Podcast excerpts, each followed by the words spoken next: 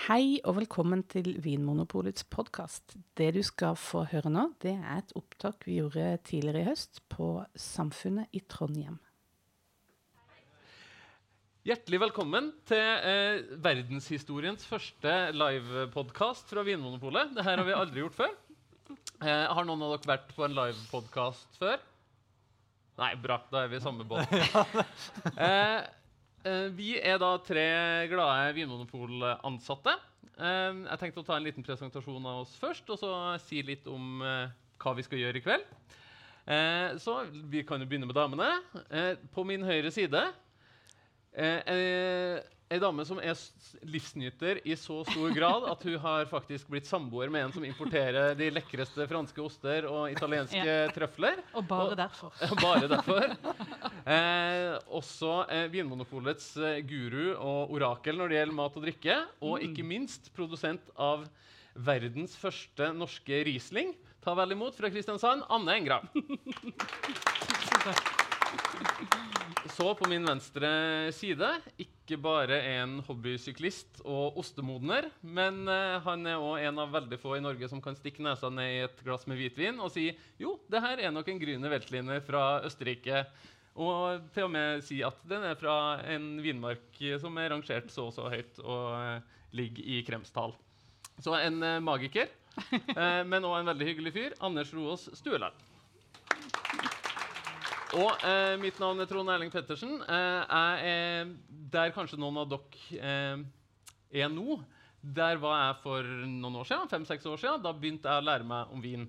Em, så jeg vet litt hvordan det er å være usikker på hva er egentlig forskjellen på en Barbera og en eh, Merlot. Eh, vi skal prøve å hjelpe dere litt igjennom vinens eh, mystiske verden. Eh, derfor ligger det også litt sånn ark og lapper og penner og sånn på bordene deres. Så vi håper at dere, hvis dere har noen spørsmål, uansett hva det er, innenfor eh, vin, mat, drikke, hva det måtte være, så skriv det ned på en lapp og legg det i bollen på bardisken der. Så skal vi avslutte kvelden med å svare på alle mulige rare spørsmål dere måtte ha. Eh, vi tenker å dele opp kvelden i tre deler. Eh, som sagt, spørsmålsrunde til slutt. Eh, Midtseksjonen blir eh, at vi skal snakke litt om det rareste i vinverden. Eh, vi har kalt det frik og unik. Var ikke det vi landa på, Anne? Ja. Eh, viner som er eh, veldig annerledes enn eh, de vanlige vinene. Eh, men det vi skal gjøre aller først, det er det vi gruer oss mest til. Særlig Anne gruer seg veldig, så Ja. derfor skal vi gjøre noe av det først. Dette må vi få overstått. Vi har da nemlig lagd et lykkehjul, som vi kaller druehjulet. Her skjuler det seg eh, en god del av verdens vindruer. Dere har jo sikkert hørt om Riesling, Barbera, Cabernet Sauvignon, en del eh, vanlige kjente druer. De er med her. Men her er det òg en del smale, sære, ukjente vindruer. Så vi skal trykke på en knapp, eller jeg håper en av dere kan komme og trykke på en knapp, eh, der hjulet stopper. Der da spretter opp navnet på ei drue, og så skal vi prøve å fortelle dere eh, alt vi kan om, om den videre. Eh, og hvis det blir veldig smalt og sært, så kanskje vi må ta to for å fylle litt mer sendetid. Et- Eller tre. Eller tre. Eh, men i hvert fall hjertelig velkommen. Håper dere tar opp det, må, det dere må ta av spørsmål. Og så blir det litt pauser underveis, så dere kan gå og kjøpe dere mer drikke i baren. OK, er dere klar? Yes. Um, opp med hånda den som har lyst til å være frivillig og komme fram og sette i gang eh, druehjulet vårt. Yes, vi har en frivillig. Fantastisk. Velkommen. Eh, da er det jo sånn at eh, tryllekunstnere må jo bevise at det ikke er noe juks. Så du skal da få lov til å velge. Du skal få trykke på knappen. Eh, men først skal vi ta den første drua som dukker opp, eller vil du ta en sånn prøverunde først? Sånn at du bare ser at det virker, og så er det den En prøverunde først. Ok, Bare for å se hvordan det funker. Da er det bare å trykke på knappen der. Så går druehjulet. Å, tenk om det blir noe lett nå. Marsann, ja. Ja, den er sånn midt på Den er treet. sånn midt på treet? Ja. Ja, ok. Hvit, hvit råndrue. Ja, Hvitvin fra Råndalen i Frankrike. Men det er altså ikke den vi skal snakke om. Vi skal snakke om den drua som kommer nå. Anne, jeg ser frykten i øynene dine. Ja. Oi, Solaris! Oi, det blir gøy. OK.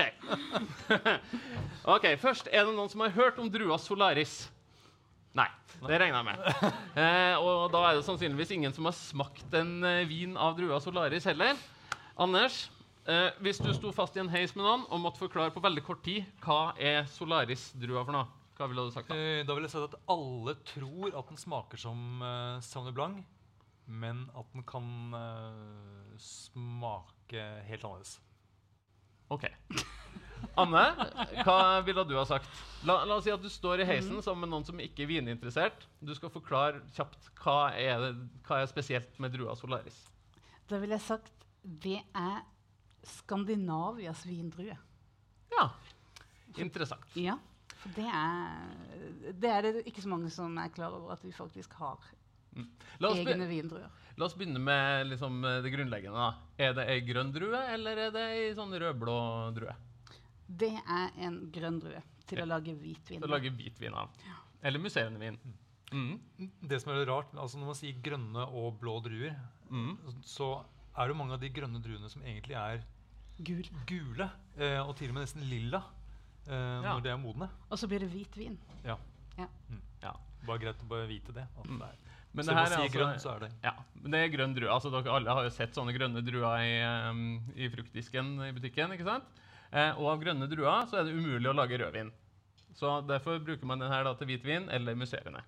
Men Solaris er jo litt spesiell, for det er jo på en måte ikke en sånn ren drue på et vis.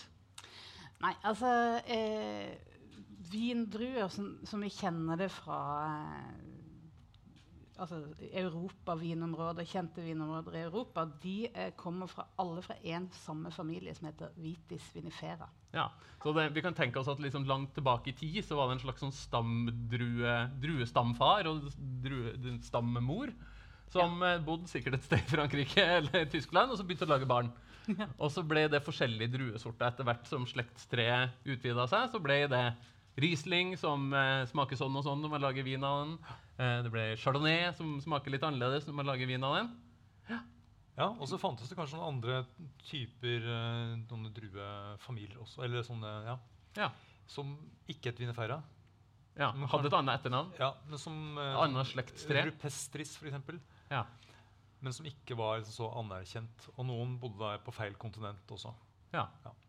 Og Solaris er jo det som er litt spesielt med den, er jo det at den har altså eh, stamfedre som ikke nødvendigvis tilhører den europeiske vinfamilien, Mm. men som kanskje er tilpassa mer sånne hardere klimaer eh, som vi har her oppe i nord. Da. Ja, for det er det som er litt greia med Solaris, at den blir ofte brukt i eh, land der det tidligere har vært for kaldt til å lage vin. Det er jo vanskelig å få druer til å bli moden her i Norge. Vi, det er jo kaldt og fælt her ute i Trondheim nå. Mens nede på kontinentet så høster de jo, høster de jo inn druene i disse, disse dager. Eh, så her i Norden så må vi ha druer som er på en måte spesielt tilpassa klimaet vårt. da, Som Ja. tåler kald vinter med masse snø, eller som ikke trenger masse sol og varme for å bli moden. Ja, det er på en måte en slags sånn designerdrue, fordi den, den ble, den ble lagd eh, på et universitet i Tyskland. Ja. Som den ble miksa fram nettopp for å kunne eh, modne tidlig eh, og tåle et kaldt klima, og for å være eh, motstandsdyktig mot veldig mye sykdommer. Så det er en veldig enkel drue å, å dyrke. Men litt som Frankenstein-drue. på en måte. Jeg ser for meg et laboratorium der man setter sammen deler og DNA fra andre druer for å lage liksom en det. som er spesialdesigna for nordisk klima. Ja, Men det er jo ingen, ingen tyske produsenter som lager vin med Solaris, er det det? Jo, det fins faktisk noen i Tyskland, men det er ikke lov i eh, altså europeisk vinlov å, å bruke f.eks. En, eh, et sånn anerkjent område på etiketten. Men eh, det dyrkes også i Tyskland. Ja, okay. Men den drua her ble sikkert lagd for noen år eller noen tiår siden. Før den globale oppvarminga kom Ja. for fullt. Så nå er det kanskje såpass varmt i Tyskland at man ikke trenger den lenger. Mens i de nye vinlandene som nå kommer, både Norge, Danmark, Sverige, sikkert i Øst-Europa, po eh, Polen og andre, andre land som tidligere har vært litt for kaldt å dyrke vin i, dyrke druer i, der har man bruk for sånn type druer. Mm. Det er liksom den skandinaviske druen. Det er den Ja. de fleste satser på. ikke sant? Mm. Hvis uh, det er uh, sånne uh, gryende vinprodusenter, hvis de melder seg inn i en sånn drueforening eller vindyrkerforening, så får de beskjed om at Solaris er veien å gå. Jeg vet til og med at det er blitt planta en god del Solaris her oppe eh, i Trøndelag. Ja, på Inderøya, Ja. i det som en gang het Nord-Trøndelag. Ja, Der er det planta det, noen svirrer, tusen eh, det svirrer noen rykter. eh, Skal vi ta litt sånn eh, Hvordan smaker vinen? Skal vi, altså Hvis man lager en hvitvin av Solaris, hvordan smaker den? Kan den sammenlignes med noe vi kanskje kjenner bedre? Hvis man har smakt en Riesling f.eks., eller en Chardonnay eller eh, en annen kjent, en Sancerre eller en annen kjent hvitvin? Ja. Minne deg om noe vi kjenner bedre? For det første så smaker det jo ganske vanlig hvitvin. Det er ikke noe sånn at det smaker veldig rart. Nei. Selv om det er en uvanlig drue i, eh, i Europa ellers. Men, Nei, Det begynner ikke å smake fisk Nei. og brunost av vinen sjøl om det er dyrka i Norge. nei. Nei, Men jeg tror på grunn av at det ofte dyrkes i sånn kjølig klima, så blir det ofte sånne grønne aromaer i, eh, i viner laget på Solaris. Sånn Hva betyr det? Grønne aroma. Ting som minner om uh, ferske urter, uh, nesle, kanskje sånn grønn paprika og sånne ting. Og så er de som regel veldig friske. Men så har vi jo etter hvert smakt uh, eksempler på solarisvin fra noe som sør i Sverige, Skåne, som Jeg fikk jo en blindt en gang, og den trodde jeg var en, eh, en veldig god eh, hvitvin fra Rioja. Der, der hvor de har tradisjon for å la vinen ligge lenge på fat. da. Og så blir den litt sånn eh, okstativ i stilen, hvor du får det der nesten sånn nøtteaktige preget og veldig sånn modne epler. For altså, Men teori var i teo- Solaris. te- teorien sier jo at eh, jo lenger nord man dyrker druene, jo kjøligere klimaet er, sånn som i Norge eller langt nord i Frankrike, for eksempel, så blir det veldig syrlige, friske viner, og det blir liksom ikke, smaker ikke som moden frukt. Du får aldri viner som lukter og smaker av fersken og ananas og pasjonsfrukt og liksom tropisk frukt så langt nord. Da det blir liksom grønt eple og litt eh, sitron og lime, kanskje. Ja, og jeg syns også det er litt interessant fordi eh, Solaris dyrkes i, eh, i områder som egentlig ikke har noe tradisjon for å lage vin. Mm. Så har du heller ikke noe eh, tradisjon for hvilken stil du skal lage. Nei, så du det kan liksom, står ikke noe sted 'slik skal Solaris Nei. smake'. Og du er ikke lært opp av foreldre, besteforeldre som har gjort sånn i alle generasjoner. Så det er liksom opp til alle disse her eh, gründerne å velge litt hvordan man vil at vin skal være. Og da har vi f.eks. Eh, noen svensker som lager det med rik alkohol og ganske breie viner. Eller noen dansker som lager det med skallkontakt, så den blir oransje. Altså, Ja. det blir liksom Man står litt friere når man har en sånn ukjent drue å jobbe med. Ja, og det viser liksom hvor mye det egentlig, vin egentlig handler om stil. Mm. Like mye som drue og klima. Fins det Solarisvin på Vinmonopolet i dag? Ja, det gjør det. Fortell mer. Ja, det var, ja. Hvor mange? Hvordan smaker de? Hvor kommer de fra? Eh, de kommer fra Sverige, så vidt jeg vet. Eh, er det to? tre. Mm. Ja, Vi var jo innom en av butikkene her i byen i dag, og der var det vel to, i hvert fall. Mm. Eh, som begge var fra Skåne i Sverige. Ja. Vet jeg husker. Eh, og litt sånn forskjellig i stil, mener jeg husker fra da vi smakte dem for noen, eh, noen uker og måneder siden. At det var en som var litt sånn slank og syrlig og minna mer om en chablis kanskje i stilen. Ja. Mens den andre var litt som du sa, en sånn breial spanjol med litt moden frukt. Og, Ja, ja, nesten litt sånn burgunderaktig. ja. Ja. Hvis man skal trekke det litt langt. ja. ja, og det er jo i sin spede begynnelse, dette her. Mm. Jeg har litt tro jeg, på Solaris, fordi det er jo noe med det navnet. Det høres ut som en Solaris. Ja, eller. Jeg ser for meg at det, er- det et navn man kunne brukt på en Sputnik, f.eks. Nå er Solaris sendt ut i verdensrommet og har passert Jupiter. Det er liksom, det er Følg sånn- med, følg med. Ja, eller at det kunne vært en ny bilmodell, f.eks. Tesla Solaris. Ja, Solaris det handler på en måte framtid, Ja. framgang. Eh, det er et håp i, eh, i navnet Solaris, og det tror jeg kan være en fordel. Ja, Men du tror det her er ei drue man får høre mye mer til i framtida? Den vil bli et mer sånn uh, kjent navn Ja. i norske husholdninger? Absolutt. Det er jeg helt sikker på. Det er Anne som er spesialist Ja, på norsk Jeg vin. tror, eh, tror, men jeg tror det tar litt tid. Det er ikke Ja. bare å liksom knipse i fingrene, og så har du et nytt uh, vinområde. Det må plantes og ventes og læres og dyrkes og gros. og så skal man lage vin etterpå, så det er ikke liksom gjort over natta, det her. da. Nei, og så er jo eh, Norge og Sverige og andre nordiske land er jo på en måte dyre land å drive jordbruk og vinproduksjon i, så det vil jo aldri bli liksom kjempebillige viner sannsynligvis fra Norge eller Sverige. Sverige. Man vil kanskje Nei. måtte betale litt Ja. for dem. Det kom jo en musserende norsk vin for noen år siden som var lagd av Solaris, men Ja, det. Men det var bare 300 flasker, og den kosta mer enn en champagne. Så det blir jo kanskje en kuriositet en stund til, men kanskje om noen år, når, dere, når Solaris er et husholdningsnavn i Norge, så kan dere si at dere hørte, hørte her på Vinmonopolets podkast veldig tidlig. Allerede i 2019 så har jeg hørt om Solaris. Mm. Ja. Har vi noe mer å si om Solaris? Nei, jeg, eh, jeg, jeg er helt tom jeg nå. Mm. Ja, nei, vi får bare vente og se, tror jeg. Ja. Det er fremtida. Solaris og framtida. Da konkluderer vi med det. Skal vi ta en runde til med der? Ja. Er dere med på det? Ja, OK. Skal vi eh, få fram vår flytte mann med de magiske fingrene igjen? OK. Snurr i gang. Okay. Da går lykkehjulet. Eller ulykkehjulet, eventuelt. Vi får se hva som dukker opp. Oi!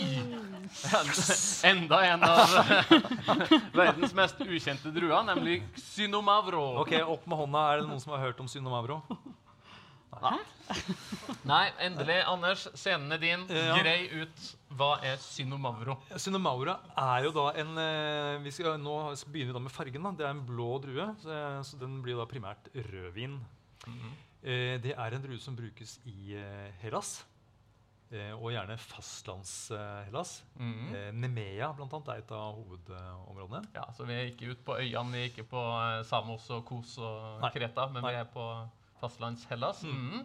Da dyrkes den gjerne litt, sånn, litt opp, i, eh, opp i høyden. Mhm. Eh, 200-300 meter oppover, hvor det er litt, eh, litt kjøligere. Ja. Det, altså, dere vet jo en del om Synomavro. dere Ja, ja, Ja, ja. ja, Så ikke at jeg skal sitte her og dosere om eh, ja. Men OK. Men jeg forbinder Synomavro med det. Ja, for du er glad i Synomavro. ja, jeg er jo det, men jeg, jeg ser ikke på meg selv som en, eh, en Synomavro-mann. Entusiast. Eller, altså, Og det må, jeg, det må vi jeg, dykke ned i. jeg liker Synomavro, men jeg, jeg tenker at den har noen egenskaper som jeg tenker at jeg ikke har. Okay. Eller kanskje, ja, eller, eller kanskje jeg har det. Ja, kanskje hvis, har det. hvis Synomavro var en person, Ja. hvordan er den personen? Eh, det er en person som er mm, litt Jeg ser for meg litt sånn fast beinbygning, litt nervøs og med litt sånn eh, kvalitetsklær. OK? Ja, fast beinbygning, Jeg s- nå ser jeg- Jeg kvalitetsklær ser på klærne mine. Ja. Er altså en, en litt sånn seig skiløpertype, på en Ja, kanskje det er, kanskje det, er det Oddvar Brå? Er, det, ja, det er litt fint. Oddvar Brå. Viens Oddvar Brå.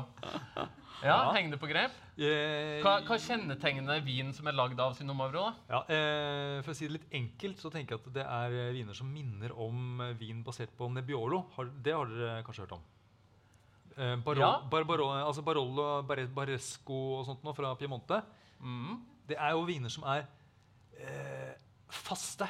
De er jo litt, sånn litt uh, tøffe. De snapper en del. De er litt sånn lys i fargen. Mm. Så tenker du at det her er nok en litt sånn lys og lett og sommerlig, livlig rødvin. Og så bare strammer den seg til! Yes. Og snerper til, akkurat som om når du har hatt teposen litt for lenge i koppen. Så kjenner du at det snerper seg til over uh, tennene og gommene i munnen. Ja, men en god Cinnamavro, da skal den også slippe taket sånn etter hvert. Den skal være, Ja. hva skal jeg si, den skal være selvrensende. Litt sånn som en sånn selvrensende ovn. Pyrolyse. Ja. Ja. Eh, så skal ikke de tanninene skal ikke sitte sånn kjempelenge, men de skal være markante, og så skal de liksom slippe taket. Ja, for sånne tanninrike viner, som vi kaller det, altså viner som snerper og er litt fast og tørr i munnen, det er jo flott å ha til kjøttmat, f.eks. hvis man skal spise biff eller lam eller noe som du skal tygge litt. Ja, eller ertesuppe, faktisk. Eller ertesuppe. ja. Ja. Ja. Snerpende vin og ertesuppe. Mm. Mm. Funker bra. Ja. Eh, ja, men vi har ikke snakket om aroma, da. ja hva, hva, hva lukter og smaker Ja, det for det av jo det- Eh, den har eh, disse litt sånn, sånn varm s- eh, furuskog, te, eh, roser, kamfer. Også noen sånne modne jordbær og plommer og Mm, det nesten høres litt så sånn godt derre- Er det noen som eh, drikker rooibos-te? Ja. Mm. Nesten litt sånn rooibos-te-aromaer også. Tobakk og sånn. Veldig, veldig En spennende. kompleks vin, Yes, og, som vi ja. si. Ja. og du bør ikke vente sånn kjempelenge eller for at den skal bli eh, litt sånn kompleks. Den, de blir eh, ganske sånn Ja, for noen, noen viner er, er jo på en måte veldig unge og fruktige, men fast når de er, når de er nytappa, når de er unge, og så må du la dem ligge i kjelleren i kanskje 20 år før det skjer noe med aromaen. Men sånn som Nebbiolo, altså Barolo Barbaresco-vinene fra Piemonte, og også Synomavro, da går det litt raskere. på en måte. Mm. Ja, tar ja. kanskje fire-fem år, og det er jo da de tapper vinen og selen ut på markedet. Da er den allerede litt sånn kompleks å utvikle. Men Ja, så er De det unge gamle. så er det faktisk eh, Dette er jo rødviner som også regnes for å være veldig lagringsdyktig. Ja. Ja, Så skal du ha gresk rødvin i kjelleren, Ja. så er jo Synomavro da et eh, sikkert kort. Mm. ja. Alle bør ha Synomavro ja. Det som er litt dumt, er jo kanskje at det er ikke alltid det er så mye tilgjengelig på Vinmonopolet. Det varierer litt med hva som fins i, i hyllene, og om noen importører velger å ta det inn til, til Norge. Jeg vet det fins. Ja. Mm. ja, det det er et lite miljø med Synomavro-entusiaster Ja. som, eh, som speider etter det. Mm. Eh, så da må man egentlig bare gå inn på nettbutikken til Vinmonopolet da, og eh, kikke etter gresk rødvin. Mm. Synomavro med X. Ja. Synomavro Mavro tror jeg betyr svart eller mørk eller noe sånt Mm. på gresk. Svartmusket. ja. kanskje enten Oddvar Brå eller en, en sånn derre eh, litt sånn elegant eh, middelhavsmann. Ja, det jeg ser for meg at han er på en måte en litt sånn eh, Og det er rart at de liksom tenker at det skal være en mann. Jo, men jeg tenker At det det. kan være en kvinne liksom, som Ja. er litt eh, svartmusket og, Mm. og, og rå. Og rå. Ja. Ja. For det, jeg tenker at det er noe litt sånn feminint også over den Ene, eh, hun er. Cecilia Brekkhus, for eksempel. Hun bokseren. Hun er jo veldig sånn muskuløs og fast og litt, sånn, litt mørk og mystisk samtidig. ja. Ja. Kanskje. Hun er ganske rå. Ja. Så et, et sted mellom og, Oddvar veldig hold, Oddvar- og veldig holdbar også, tror jeg. Ja. Sikkert og veldig holdbar. Så et sted mellom Oddvar Brå og Cecilia Brekkhus. Der finner vi Ja, for å bruke de norske referansene. Mm. Eh, ja, Anne, jeg var jo litt inn på det med kjøtt. Men hvis du skal da få tak i en Synomavro rødvin, det, hvilke anledninger, hvilke matretter du skal bruke den? Mm. Ja, nettopp pga. det der tanninstrukturen. da. tenker Mm. jeg at um, Det at den er liksom fast og snerpende? er litt fast, at den tørker ut munnen litt, så er det en fin vin å bruke til mat. For da får du litt sånn veksling. At du blir liksom både tørker opp munnen at du, Mm. Så hvis du spiser litt mat, gjerne mat som man tygger litt, Ja. så er det med på også å gjøre at munnen ikke blir så tørr igjen. Så du kan liksom få litt mer sånn eh, spill. Det er mer sånn. en matvin enn en sånn skravlevin, kosevin eh, Sitte og lukte på, eller? Kommer litt an på hva du liker, da. Hvis Ja. du liker eh, litt sånn snerpende vin Man må ikke være redd for snerpen. Nei, Eh, bare man må er- anerkjenne at den er der. Litt sånn som når du mediterer, så, så sier de at eh, nå skal du kjenne på Snerpen. Nei, ja, det er det ingen men Nå skal du kjenne på fingrene, kjenn på følelsen av fingrene helt ytterst. Men da skal du ikke, måte, ikke, du skal ikke vurdere den følelsen, om den er god eller måte, Du skal bare akseptere at den er der. Ja. Ja. Sånn er det bare. sånn er og sånn er det litt med en snap. Du skal akseptere at den er der. Det er en, en Ja. del av Ja, Poenget Sånn. mitt er jo egentlig ikke at man skal få bort snerpen ved å sette den til mat, men at eh, ved å ha litt sånn tannin i vinen, så kan mat gjerne være med på å liksom bli litt sånn stramme seg litt opp. Ja. Det ertesuppeeksempelet er jo egentlig ganske godt, for suppe er jo lite tyggbart. Lite tyggbart? Ja, jeg er med på det. Med mindre det- du har kokt erteren litt for kort tid. Da, da blir det veldig tyggbart. Ja, det er sant. Men uh, hvis du ikke har det, da og, eh, Å ha drikke til suppe er jo ofte litt sånn Skal man si smør på flesk? Altså, du Ja, drikker, du liksom- drikker suppa, og så skal du drikke Ja. vinen etterpå? Så det, eh, det å ha en munnfølelse da, i drikken som er litt annerledes, Ja. det er ja, egentlig fint. Ja, for det er jo et sånt poeng i forhold til mat at en del matretter er såpass kraftig på smak, eller at du må tygge mye, eller som gjør at du kan ikke ha en sånn lett pinglevin. Du må ha en vin som liksom bygger litt. En kroppsbygger av en vin. Mm. En annen fin ting med Cinemavro er jo det at uh, de smaker som Barolo Barbaresco, Mm. men koster jo da halvparten. Oh. Ja, Ja. det er, det er studenttips. ja. Jeg bare nevner det. Mm. ja.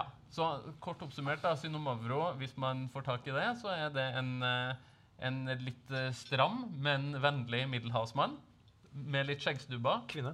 Eller kvinne uten skjeggstubber. eh, ja. Som kan brukes til kjøttretter eller meditasjon. Mm. Og ertesuppe. Og, og ert, meditasjon og ertesuppe. I den rekkefølgen. ja. Ok, nei, men da føler jeg vi har landa Sinomabro eh, ganske bra. Ja, den, den klarte du fint. synes ja, den syns jeg har klart veldig fint. Ok, Skal vi ta en liten pause da, før vi gyver løs på vinverdens eh, raringer? Så skal dere få lov til å fylle opp eh, glassene deres litt. Og husk, hvis dere har noen spørsmål hva som helst om vin eller mat eller drikke, eller hva det måtte være, så skriv det på en lapp og legg det i skåla. Så gleder vi oss til å svare på spørsmålene deres etter hvert. Ok, da tar vi en liten pause.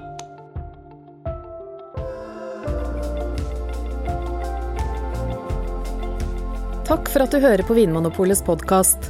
Har du forslag til et tema i podkasten? Send mail til podkast at vinmonopolet.no. I tillegg svarer kundesenteret deg på e-post, chat og telefon.